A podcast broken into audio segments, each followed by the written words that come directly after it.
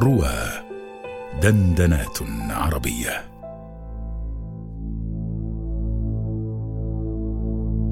يا ولدي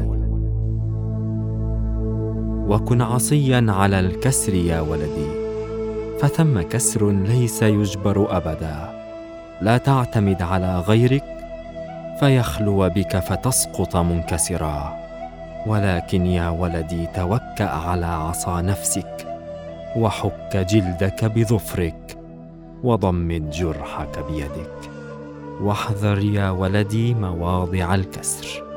احذر أملا زائفا وغايات لا تدرك. وأماني احذر قلبا كاذبا ولسانا لعوبا ودنيا مزينة.